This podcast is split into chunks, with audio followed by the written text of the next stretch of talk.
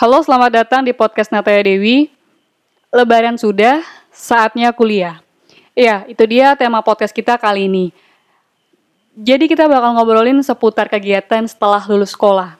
Nah, sebelumnya saya mau ngucapin dulu nih selamat buat teman-teman yang kemarin udah terima uh, berita secara online ya, walaupun tulisan selamat Anda lulus. Nah, oke sekali lagi saya ngucapin selamat buat teman-teman yang udah lulus.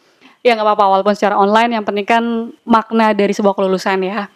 Nah, uh, setelah lulus nih kadang-kadang ngerasa galau, bingung mau ngapain. Padahal banyak sih sebenarnya opsi, salah satunya adalah kuliah. Nah, jadi kita bakal bahas uh, kira-kira apa aja sih persiapan secara psikologis atau ya kita akan bahas terkait topik-topik uh, eh, OTW kuliahan lah ya sama Mas Mirza. Mas Mirza dari psikolog klinis. Nah, seperti biasa kita langsung uh, sapa Mas Mirza dulu. Halo Mas Mirza, apa kabar? Uh, Alhamdulillah baik dan selalu baik. Okay. Siang, pagi, malam harus baik. Selalu baik ya Mas ya. ya harus baik. Oke okay, Mas. Uh, nah sebelum kita bakal ngobrolin soal masalah mm. kuliah nih Mas. Yes. Jadi kan ini mungkin ya yang dengerin mungkin mayoritas adalah teman-teman yang baru lulus SMA. Mm-hmm, nah, mm-hmm. pernah ada pepatah kuno mengatakan, wih pepatah kuno mm-hmm. uh, mengatakan bahwa SMA adalah masa-masa paling indah nih. Nah, boleh mm-hmm. dong Mas nostalgia sedikit menceritakan uh, pengalaman apa sih yang paling indah di masa SMA, Mas? Uh, kalau untuk pengalaman SMA, uh, apa tadi menarik apa namanya pepatahnya itu mengatakan. Nah itu yang pepatah itu sudah almarhum atau belum saya nggak nggak tahu. Cuman pepatah itu mengatakan masa paling indah adalah masa SMA. Iya. Nah, padahal saya waktu TK ada masa indahnya, kemudian SD, SMP itu ada masa indahnya. Jadi masa indah nggak harus SMA juga. Karena apa? Dulu saya punya temen TK itu namanya Indah, terus SD itu ada yang namanya Indah, SMP SMP juga Indah. Indah, SMA juga ada yang namanya Indah. Jadi Indah ada uh, di setiap masa. Oke. Okay. ya, keren kan. Nah, tapi uh, pengalaman yang yang apa ya? Kalau yang menarik semuanya menarik sih gitu. Cuman banyak ya Mas ya? Banyak banyak banyak. Hmm. Cuman pengalaman lucu aja dulu waktu agak bandel gitu, bolos. Jadi dikejar guru. -hmm. Ada satu temen itu lompat pagar tinggi cukup tinggi pagarnya. Nah, waktu dia apa uh, berhasil melompat pagar belum bisa berdiri. Temen yang satu itu uh, udah jatuh nimpa dia gitu. Bukan Jadi ketimpa tangga ya, tapi udah jatuh ketimpa temen. Iya, kejadiannya hmm. sangat lucu itu saat itu. Cuman kalau ada CCTV, saya kira udah masuk YouTube. Tapi bakal tetap, viral ya mas. Viral kayaknya. tapi tetap saat itu ketangkep juga sama Pak Guru dan disidang dan ya adalah kapok lah. Gitu. Oke, itu kisah menariknya ya. Iya, iya. Oke, uh, nah mas kita langsung hmm. masuk ke temanya ya mas ya, yes, yaitu yes. kita bakal ngebahas secara psikologi sih mas sebenarnya oh, temanya tadi apa lebaran sudah THR belum gitu iya, ya THR-nya yang belum okay. nggak jadi lebaran sudah saatnya kuliah nah okay. jadi kan okay. ini uh, kemarin kan udah dapat pengumuman kelulusan nih dan sekarang nih sampai sekitar bulan Agustus atau September paling telatnya kan hmm, ini udah hmm. masa-masa buat teman-teman yang kemarin baru lulus itu buat uh, nentuin pilihan gitu loh mas mau kuliah atau hmm, mau gimana gitu kan yeah, yeah, yeah.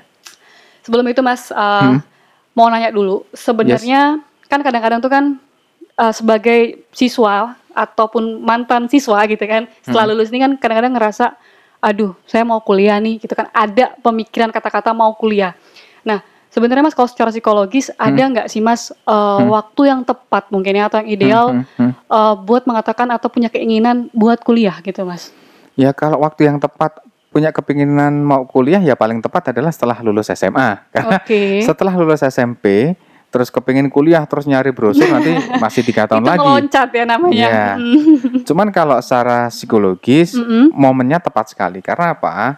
Jadi teman-teman itu teman-teman yang barusan lulus sekolah itu kan barusan menyelesaikan sekolah SMA sekaligus mm -hmm. menyelesaikan usia remajanya. Oke. Okay. Nah, jadi teman-teman uh, itu masuk ke misalkan uh, bekerja, misalkan kuliah, misalkan kursus, itu juga masuk masa perkembangan psikologis baru. Yaitu, yaitu hmm. uh, apa namanya? Uh, young uh, adulthood. Hmm. Jadi 18 sampai 35 tahun. Di situ masa-masa untuk mencari kesenangan, kemudian mulai apa namanya? intens untuk uh, apa namanya? Uh, berinteraksi dengan lawan jenis. Nah, yang hmm. digarisbawahi adalah mencari kesenangan. Nah, di sini. Jadi okay. kita tidak bisa artikan itu sebagai hal yang negatif. Mengapa? Karena ketika teman-teman lulus sekolah, kemudian kuliah, dan kuliahnya tepat sesuai jurusan atau passionnya, mm -hmm. Nah, itu akan menyenangkan. Karena apa?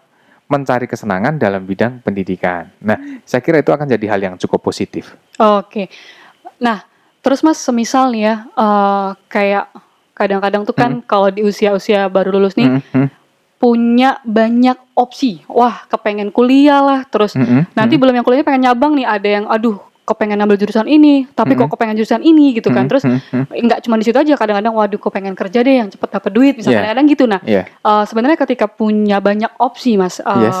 setelah lulus itu, apakah itu bisa dikatakan sebenarnya itu hal yang wajar terjadi atau kayak itu kan cuma ambisi sesaat karena kegalauan Mhm. kayak gitu? Hmm. Itu gimana, Mas? Kalau banyak opsi, saya rasa di usia-usia itu memang banyak keinginan ya. Mm-mm. Karena gini, eh tapi ini ini agak sedikit bercanda aja. Oke. Jadi sebetulnya ketika punya keinginan banyak, saya pengen kuliah di A, di Mm-mm. B, fakultas C, di universitas A di kota B, Mm-mm. itu sebetulnya wajar. Tetapi kalau diterima semua bayangin, jam Bingung. 1 sampai jam 9 kuliah di Jogja. Kemudian jam 10 sampai jam 11 kuliah di Purwokerto. Jadi alhamdulillah sebetulnya ketika Bersyukur ya. ya sangat bersyukur ketika kita hanya dikasih satu kesempatan untuk bisa kuliah di satu tempat ya di ya? satu tempat karena repot Benar-benar. sekali. Oke, itu bercanda. Nah, sebetulnya gini, eh, wajar kalau kita punya keinginan banyak. Nggak usah kuliah, makan aja kepinginannya banyak. Macem-macem ya. Kayak kemarin buka puasa, uh saya pengen makan kolak. Kemudian saya pengen makan eh, Kurma. eh, kurma, saya pengen makan nasi sop, saya pengen makan bakso. Banyak. Tetapi kita harus sadar bahwa ya ya, ada satu pilihan yang mungkin lebih tepat ke kita. Contoh, Oke. eh, teman-teman yang kepingin ngelanjutin ke kuliah. Saya kepingin kuliah ke jurusan hukum. Kenapa? Gitu kan? Mm-mm. Kadang si kawan-kawan ini bingung. Saya belum pernah kuliah, jadi saya nggak eh, nggak tahu bagaimana nantinya. Bisa tanya sama Pak Guru, bisa Oke. tanya sama kakak, saudara, tetangga dan lain sebagainya. Nah, jadi yang penting jangan coba-coba memilih kuliah itu sesuai dengan wangsit Oke. tapi sesuai dengan informasi atau arahan Pak Guru, kakak, orang tua dan lain sebagainya. Misalkan pun Mm-mm. tidak ada informasi terkait seperti itu, teman-teman kan masih muda, cari informasi sebanyak-banyaknya, kemudian sambil berdiskusi, oh saya passionnya begini, kuliahnya cocoknya apa ya? Mm-mm, betul. Nanti kesulitannya seperti apa, kesenangannya seperti apa, kemudahannya Oke. seperti apa. Jadi banyak pertimbangan dalam waktu sampai Agustus kalau nggak salah nanti ya. Iya, paling ah, Agustus paling cepat masuk. Ah, itu nanti sambil nanya ke apa namanya saudara dan lain sebagainya, Mm-mm. saya kira cukup waktu untuk bisa apa bisa menentukan kuliah yang tepat. Nah, yang penting jangan eh, ikut-ikutan sama temen. Oke. Kenapa? Ayo, Iya, karena ikut-ikutan sama temen, temen balik ke rumah, kita balik ke rumah temen. beda Oh, beda. rumah. Oke, oke, monggo monggo. Oke, jadi sebenarnya masih wajar ya kalau semisal kita punya banyak opsi ya Mas ya. Yang penting itu tadi Hmm. Wajar, wajar, wajar, jangan wajar. sampai semua keterima kan bingung juga kan. Ya, ya, ya. Oke, nah tapi Mas semisal permasalahannya adalah ketika eh, kita itu tadi kan kalau kita sama diri kita ya, maksudnya dengan Iya. penuh opsi gitu kan. Nah, Yes. tapi gimana kalau Hmm. semisal permasalahannya itu muncul dari Hmm. faktor eksternal, artinya dari luar diri kita. Semisal Hmm, hmm, kita nih, aduh, saya kekeh pengen ngambil jurusan hukum misal seperti itu. hmm, hmm, Tapi ternyata itu bertentangan sama orang tua nih gitu kan. Iya. Ternyata orang tua mm, maunya ngambil misal ekonomi seperti itu kan. Iya, iya.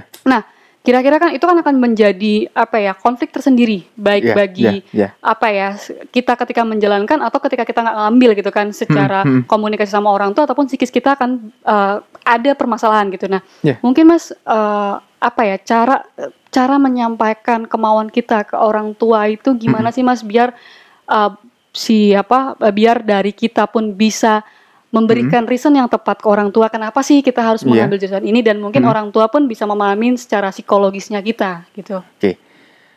Jelas, yang pertama adalah komunikasi yang baik. Komunikasi yang baik itu seperti apa? Pasti ada adabnya ya, karena Mm-mm, kita harus pasti. komunikasi dengan Oh. orang tua. Enggak, oh kamu kuliah hukum nak? Enggak mau, saya mau kuliah subuh misalkan. Oke. Nah, Eh, Beda jurusan. Untuk diskusi dengan orang tua, tentunya kan Mm-mm. begini, teman-teman yang sekarang baru lulus, cari informasi dulu, bawa brosur, nanya ke om, tante, pak D, bude, tetangga, manfaatin semua yang Iya, ada ya. Hmm. tanya informasi tentang apa yang lo suka, apa yang Hmm. disuka, apa yang dipinginin, kan gitu ya. Iya. Sambil bawa brosurnya, wah misalkan. Nah, ketika diskusi atau komunikasi dengan eh, bapak, dengan ibu, Jadi alasannya banyak. Nih brosurnya, bayarnya sekian. Ini fakultasnya kayak gini. Nanti kalau lulus ja- kemungkinan bisa jadi ini. Nah ini Hmm. kayak gini kayak gini. Terus Pak, Bu, saya kepingin nanya ini. Nah kalau sesuai dengan Bapak, aku khawatirnya nanti aku nggak bisa. Oke. Ini. Nah, jadi itu komunikasi yang bagus. Karena yang sering terjadi adalah pokoknya. Weh, the Iya, power of pokoknya. Iya, jadi eh, apa komunikasi dengan orang tua atau menyampaikan Yes. dengan baik-baik itu salah satu cara ya, Mas ya yang Iya. biar sama-sama saling mengerti gitu kan. Iya, tapi kan harus ada dasarnya. Nah, bawa brosur, bawa keterangan lah gitu kan. Istilahnya nggak usah bawa STNK, BPKB, nggak usah. Nggak usah, ya, ya betul. Nah, Mas, eh, Yes. apa ya? Ada nggak sih Mas eh, cara misalkan kadang-kadang nih, oke kita udah mau kuliah, tapi kadang-kadang masih bingung ya buat nentuin, aduh mau jurusan Hmm. apa gitu kan. Hmm, hmm. Semisal kan anak misal eh, anak IPS gitu ya, misal Ya. Waduh anak IPS, misal saya tuh senang sosiologi gitu kan. Hmm, hmm. Tapi saya juga sangat seneng nih sama dunia geografi gitu kan. Iya. Nah, ada nggak sih mas eh, cara buat biar kita tuh lebih yakin sama diri kita? Yaudah deh ternyata memang sosiologi lah pilihannya gitu kan. Hmm, hmm. Atau ternyata memang oh geografi lah pilihannya. Misal salah, Iya. salah apa salah satu dari Iya. itu. Nah ada nggak sih mas cara buat kita secara pribadi untuk Yes. kayaknya saya lebih condong ke sini deh kayak gitu. Ada nggak sih mas? Sebetulnya gini, ketika mencari informasi yang banyak, Mhm. kemudian dari berbagai sumber tadi yang saya bilang dari om, tante, tetangga, kakaknya, temen, temennya, temen gitu. Semua dipanggil ya. Jadi ketika dapat informasi itu kan nanti kita akan tahu. Oh ternyata mungkin bisa terjadi bahwa oh yang yang yang saya pinginin itu kuliah di A ternyata bahannya nggak nggak sip ya. Ini kok nggak cocok ternyata ya. Bisa juga. Jadi sudah tereliminasi ketika nanti dapat informasi kan dapat wejangan dari A, Hmm, B, C. D, F, G. Jadi hal yang paling simpel bisa dilakukan kita berdiskusi dengan orang di sekitar kita. Sama jangan lupa kayak ngeli sendiri ya mas ya. Iya, Oh, oh, oh. Karena contoh, saya ya contoh. Saya dulu lulus SMA, pengen jadi tentara. Mm-mm. Oh, karena saya merasa benar nih. Karena kakek saya seorang tentara, saya harus jadi tentara. Oh, Ada keinginan seperti itu. ada keinginan Hmm. seperti itu. Tetapi lingkungan sekitar orang tua nggak boleh tentara itu nanti eh, jauh dari rumah. Ya padahal nggak usah tentara, kuliah aja jauh dari rumah kan. Ngerantau kan iya. Saya bingung. Kemudian saya nyari informasi. Agar apa? Agar kita ngomong sama pikiran kita sendiri. Jadi kenapa kok kita nggak pilih menjadi seorang tentara semisal Mm-mm. itu bukan karena dihambat orang tua, Tetapi, tapi mungkin oh fisik kita nggak kuat. Mungkin ada yang lebih cocok misalkan kita harus jadi dokter, kita harus jadi pengacara, kita Mm-mm. kuliah di misalkan sosiologi tadi dan lain sebagainya. Jadi eh, cari informasi yang sebanyak-banyaknya agar ketika diskusi dengan orang tua cukup alasan. Ketika harus menanggalkan keinginan atau cita-cita juga cukup alasan. Jadi gitu sih sebetulnya. jadi nggak cuman menang ngeyel doang gitu ya. Jadi Yes. ah, jadi kayak semisal ya kita juga harus jujur sama diri sendiri. Semisal Ah, ah, Iya, Oke, saya memang minat di sosiologi. Oh, tapi ternyata kemampuan saya lebih di geografi. Nah, mau nggak mau Ah, kan seharusnya kita memilih geografi karena iya, ini bukan cuman satu dua tahun ya Ah, ah. sekolah apa kuliahnya itu kan Iya. sampai empat tahun dan gelarnya akan seumur hidup gitu iya, kan. iya. Karena gini, contoh, jangan sampai kita nggak tahu Mhm. potensi kita. Bahaya Gitu. juga ya mas Bahaya ya. juga karena kita harus cari tahu ke seorang ke orang sekitar agar kita semakin tahu siapa saya sih sebenarnya. Contoh, nggak lucu kan? Saking pinginnya lulus Mhm. sekolah, kemudian karena cowok pengen daftar pramugari. nah, ini kan jadi Bener-bener. jadi jadi lucu kan gitu. Ah, Makanya kan kita harus ketahui kemampuan kita seperti apa, terus kita eh, cari informasi yang cukup eh, cukup jelas, cukup Mm. eh, apa bisa dipercaya sumbernya. Saya kira itu cukup membantu. Misalkan tadi nah, Mm. menarik, akhirnya terjadi konflik dengan orang tua. Orang tua kepinginnya sekolah di Jogja, kuliah. mm. Anaknya kepingin sekolah di Purwokerto, kuliah. Terus gimana nih? Beda kota, beda jurusan, misalkan ah. Ya udah komunikasi yang baik ketika menemui jalan buntu si siapa teman-teman yang baru lulus ini bisa komunikasi Pak Bu ayo datang ke psikolog ke biro psikologi untuk apa tes potensi akademik betul betul. ya kan bakat Oh. apa bakat minat misalkan Mm, mm, mm. Nah, jadi di situ kan akan ketahuan oh ternyata saya punya bakat di seni ini tinggal dikembangkan cari kuliah atau jurusan yang berkaitan dengan seni misalkan Ya betul. oh ini tentang kedisiplinan terus dia patuh eh, terhadap atasan misalkan seperti Ah, itu betul. mungkin bisa masuk ke eh, militer ke kepolisian atau di pemerintahan Ikatan dinas, ikatan ya kan? dinas Ah. misalkan seperti itu saya kira akan cukup membantu banyak kok cara agar kita bisa berkomunikasi asal kita menyediakan waktu dan kita bisa menyampaikan secara santun sama orang tua. Oke, jadi Hmm. selain tadi kita juga harus mencari sumber referensi sebanyak-banyaknya, menggali atau membuat list terhadap diri kita sendiri. Ah, Kita ya. juga harus mengkomunikasikan dengan adab dan sopan santun yang baik ya ke orang Iya, tua. Nah, ketika iya. memang masih sama-sama bersikeras merasa punya reason yang sama-sama kuat, mungkin kita bisa menggunakan jasa pihak ketiga yaitu psikolog tadi untuk Iya, uh, membantu iya, iya, untuk iya. memberikan penjelasan. Maksudnya kalau memang ternyata kan kita nggak tahu juga ternyata Mm-mm. ngototnya si anak memang cuma 50% terus ngototnya si Iya, bapak atau iya. ibu ini cuma 50%. Nah, ternyata ada opsi yang menarik yang baru keluar setelah adanya tes psikologis bakat minat. Misalnya seperti itu ya, Mas ya. Iya, jadi kita bisa eh, apa namanya berkomunikasi, berkonsultasi dengan eh, profesional Mm, untuk betul. bisa membantu kita eh, mengetahui passion kita apa sih sebetulnya. Ah, ah, benar banget. Nah, Mas, eh, Yes. Kita kan eh, kadang-kadang tuh kalau kuliah ya mayoritas sih kalau menurut saya ya nggak tahu juga ding eh, Hah? banyak yang merantau ya Mas ya dan Mm-mm. ya oke lah ada yang merantau masih masih dalam satu pulau tapi beda Mm-mm. daerah ada yang bahkan sampai beda pulau dan bakal harus berjam-jam nyampe ke rumah atau ke Mm-mm. univ univ yang dituju gitu kan ke kota Mm-mm. yang dituju Iya. nah eh, terkadang nih kan ada beberapa teman-teman yang masih punya eh, mungkin tanda kutip sedikit ketakutan ketika harus eh, keluar dari rumah atau dari daerahnya Mm-mm. Nah, kira-kira apa sih Mas yang bisa dilakukan maksudnya untuk persiapan psikologis secara eh, pribadinya si eh, teman-teman yang tadi masih aduh kayaknya masih takut ya misal nih ya, Mm-mm, misal Mas eh, misal saya misal orang Jakarta tapi Mm-mm. eh, sebenarnya saya punya mimpi buat sekolah di Mm. Jogja misal seperti Iya, itu. Cuman iya. saya takut untuk Mm. keluar dari Jakarta dan mau di Jogja. Nah, kira-kira hal apa Mas atau saran apa yang bisa dikasih biar eh, kita secara psikologis bisa berpikir bahwa oh iya ya kenapa enggak buat Mm-mm, OTW ke Jogja misal untuk kuliah Oke. seperti itu. Yang paling penting adalah punya jam tangan. Karena Kenapa, keluar Mas? dari rumah Hah? khawatir jam 12 malam. Oh iya benar Jadi benar. ketakutan keluar rumah Mm-mm. saya kira wajar. Jadi yang paling penting adalah jam tangan. Oke. Jadi pastikan kalau Biar mau waktu. Iya, kalau keluar rumah itu jam 8 pagi misalkan. Oke. Jadi ketakutan itu akan lumayan hilang. Oke berkurang ya. Cuman kalau secara psikologis, jadi ketakutan-ketakutan seperti itu Mm-mm. itu hal yang wajar sebetulnya. Saya juga sama. Contoh, saya saya dulu SMA di SMA Muhammadiyah Satu Wonosobo. Oke. Saya rumahnya saya apa ya kota kecil di pinggiran Wonosobo. Mm-mm. Jadi Jogja itu, waduh, saya malu nggak punya teman, saya orang desa, gitu kan. Jadi Mm-mm. keluar dari perempatan rumah aja mungkin udah kemeringet, gitu kan. itu Serius. karena lari tapi kan. Iya, takut di sana nanti Mm-mm. gimana ya gitu kan? Karena akan ketemu dengan orang kota. Kita mungkin dari segi pakaian, pemikiran, informasi, mungkin kita agak minder. Ya karena ngerantau itu kayak miniatur Indonesia banget ya dari mana aja Iya, tuh ada iya. kan. Heeh. Karena selama SMA kan ketemu dengan beda kecamatan, Iya benar. beda desa. Tetangga sendiri bahkan Iya. gitu kan. Hmm. Nanti kalau di Jogja ketemu dengan orang ada dari pulau-pulau lain gimana?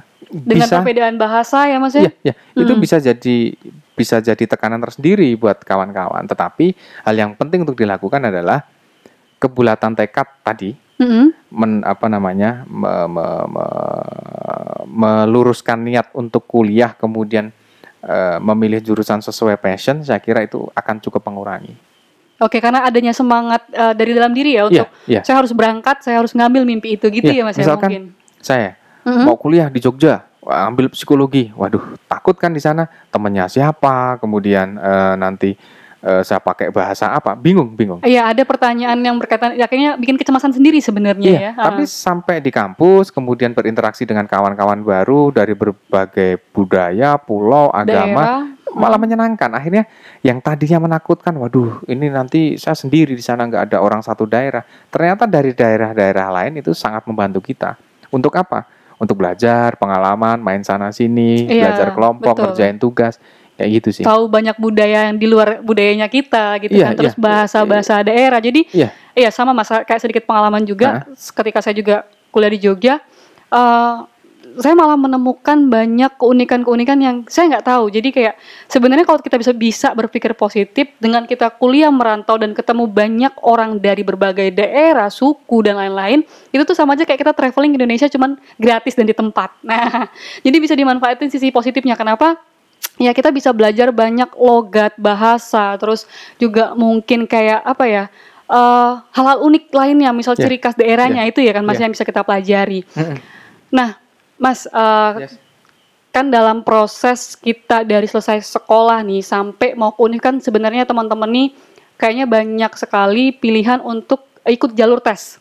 Kalau Oke. kalau di zaman-zaman itu yang saya tahu sih kayak misal jalur prestasi, terus SN, apa SBMPTN, terus Hmm. Yes. eh, tes mandiri kayak gitu kayak gitu lah. Cuma saya nggak Iya. kurang kurang tahu ya untuk di tahun ini. Nah, semisal Mas eh, kadang-kadang kan di usia segini tuh masih ngotot ya. Ngotot maksudnya misal setelah lulus sekolah, saya kan anak rajin nih berprestasi, Mm-mm. Oke, saya milih lewat jalur prestasi mau di UNIF misal eh, UGM misal kayak gitu ya. Ya. Sorry kita sebutnya. Ya. Misal UGM ambil kedokteran. Nah, ternyata setelah lulus eh, apa setelah tes jalur prestasi nggak lolos nih, Mas.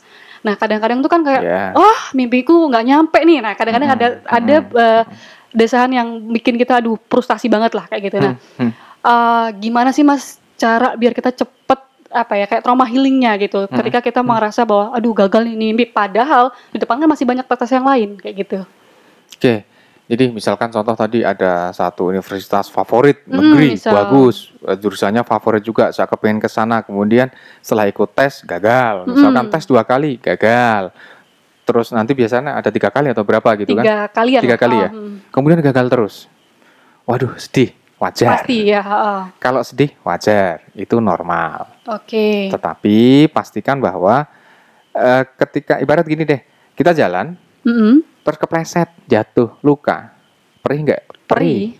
Tapi kan pasti sembuh toh. pasti Nah, udah gitu aja, sesimpel itu aja. Jadi misalkan eh, cita-cita saya daftar, apa, daftar kedokteran nggak diterima, oh mungkin kita berpikir positif aja. Oh mungkin kesempatan lain kita akan bisa jauh lebih sukses. Karena begini, eh, berapa mahasiswa yang masuk ke universitas Mhm. apa namanya terkemuka di Indonesia deh, berapa juga yang ditolak, yang tidak diterima, dan mereka sukses-sukses aja kok. perbandingannya juga banyak ya Perbandingannya Hmm. juga banyak. Jadi eh, universitas terkemuka itu bukan salah satu men- apa syarat kita menuju sukses, tapi iya betul eh, bukan satu-satunya sorry, tapi salah satu.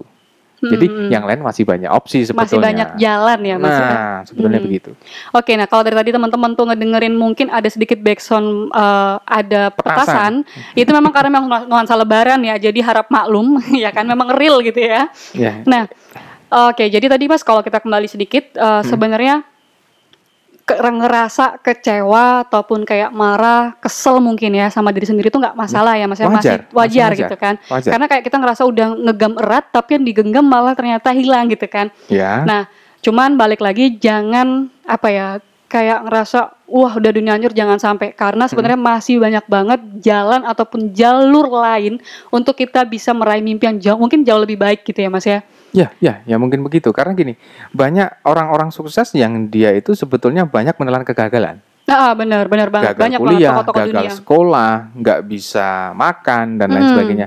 Mereka bisa bisa apa namanya? Bisa sukses juga kok gitu loh. Jadi ya biar jadi cerita juga ya Mas ya maksudnya nggak Ya, harus tiba-tiba semua mulus saja kan juga nanti nggak ada cerita gitu ya. Iya, betul. Nah, oke. Yang terakhir nih, Mas. Eh, mungkin ada nggak Mas pesan-pesan buat teman-teman nih yang mau eh, kuliah?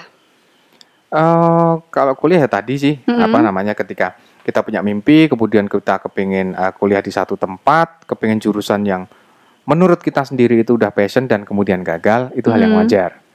Satu, bisa kita suatu apa eh, dalam perjalanannya kita mendaftar lagi di tahun depan, di semester depan misalkan, Iya, nggak apa-apa. Sambil menguji bahwa contoh hari ini saya daftar nih di Mm-mm. salah satu universitas terkemuka, kemudian gagal. Mm-mm. Wah, gue senang banget nih sama fakultas ini nih. nah, Oke. kasih jeda waktu, istilahnya kayak lagu kasih slow lah, gitu kan. Santai. Santuy, santuy. Jadi kita berpikir semester depan atau tahun depan gue daftar lagi deh. Sambil menguji apakah jurusan yang kita yakini sekarang itu Benar-benar benar-benar passion kita ya. passion kita Mm. atau enggak. Kalau selama enam bulan kok ternyata Kendor. kendor, ah mungkin kita eh, bisa belajar bahwa oh ya ya kadang keinginan itu belum tidak apa ya tidak Tidak harus saat itu. tidak harus saat itu Hmm. mungkin kebutuhan yang yang bisa dilakukan adalah di fakultas A jadi kita berpikir positif terus yang kedua adalah eh, ketika punya passion itu bisa dipertanggungjawabkan contoh orang tua sudah deal oke deh kuliah di misalkan di seni Mm-mm. Pak Bu, saya tuh orang seni, tes eh, bakat minat juga saya Hasilnya di seni. seni. Ah. Orang tua kontra, nggak boleh. Tapi akhirnya karena, karena berdiskusi, orang tua legowo, boleh.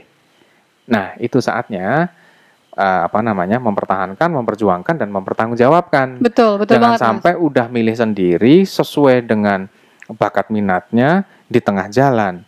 Selenco istilahnya orang Jawa kan gitu kan. Ah, ah, kendor Jadi di jalan. kendor, ah. nggak- pernah kuliah dan lain sebagainya.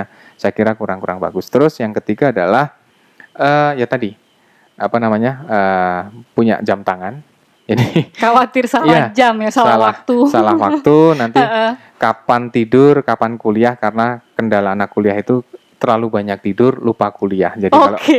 bawa jam tahu, oh ini jam kuliah, berarti Mm. di kampus itu nanti kuliah, saatnya tidur tidur karena teman-teman dulu waktu saya kuliah juga sama, nggak bawa jam, lupa pas waktu kuliah saya kira jam tidur, jadi di kuliah saya tidur. Itu sih. dinamikanya orang kuliah ya Mas. Yes, yes seperti itu sih. Oke, jadi uh, Hmm. teman-teman juga tadi bisa ngedengerin poin-poin dari Mas Mirza. Nah, jadi teman-teman sebenarnya uh, di tahun 2020 ini kan sebenarnya semua teknologi canggih banget ya. Maksudnya informasi pun udah uh, dengan sangat mudah didapat. Nah, jadi kalau menurut saya pun uh, ketika kita mau menentukan nih mau kuliah di mana, jurusan apa, prodinya apa, dan mau bagaimana atau di kota apa, teman-teman sebaiknya mencari informasi sebanyak-banyaknya, referensi sebanyak-banyaknya. Jadi kalau bisa jangan cuma pakai satu sudut pandang. Nah, biar eh, ketika harus mengkomunikasikan pun ke orang tua jauh lebih real obrolannya, jauh lebih mengenakan dan jangan lupa ketika menyampaikan eh, kemauan kita ke orang tua gunakan adab dan sopan santun yang baik dan benar gitu ya. Karena memang ya balik lagi kuliah itu nggak cuman yang penting kuliah teman-teman. Jadi kuliah itu punya durasi yang cukup panjang tiga setengah tahun sampai empat tahun dan gelarnya akan dipakai seumur hidup. Nah jadi harus benar-benar pertanggungjawaban secara moralnya itu benar-benar dipikirkan dari awal. Ya jadi kalau bisa teman-teman benar-benar ngambil fakultas ataupun jurusan yang benar-benar passion dari teman-teman. Jadi jangan pernah ngikut-ikutan teman. Kenapa? Karena balik lagi kuliah itu tentang masa depan bukan tentang pertemanan. Karena ya tetap aja teman ya teman kita akan tetap selalu berkomunikasi, kontak atau mungkin bisa satu satu rumah, satu kos-kosan ketika harus merantau bareng-bareng. Tapi soal masa depan kita nggak pernah tahu. Ini berkaitan dengan passion sekali lagi. Nah, so buat teman-teman, ayo terus semangat. Kesempatan itu selalu ada. Jadi temukan dan tentukan passion kamu. Nah, mungkin itu dulu nih pembahasan podcast kita kali ini. Buat teman-teman yang masih pengen uh, ada pertanyaan seputar podcast ini ataupun mau ngajuin uh, tema yang pengen dibahas di podcast kita, bisa banget uh, chat langsung di, web, di website saya di www.natayadewi.my.id. Sorry, saya ulangi www.natayadewi.my.id. Nah, atau buat teman-teman yang pengen konsultasi pribadi terkait uh, keperluan psikologi sama Mas Mirza, bisa banget chat langsung beliau di websitenya. Di mana Mas websitenya? Di www.mirzaadi.my.id. Nah, oke. Jadi itu ya buat teman-teman yang pengen kontak-kontak langsung. Oke, mungkin itu aja dulu uh, buat podcast kali ini. See you and thank you.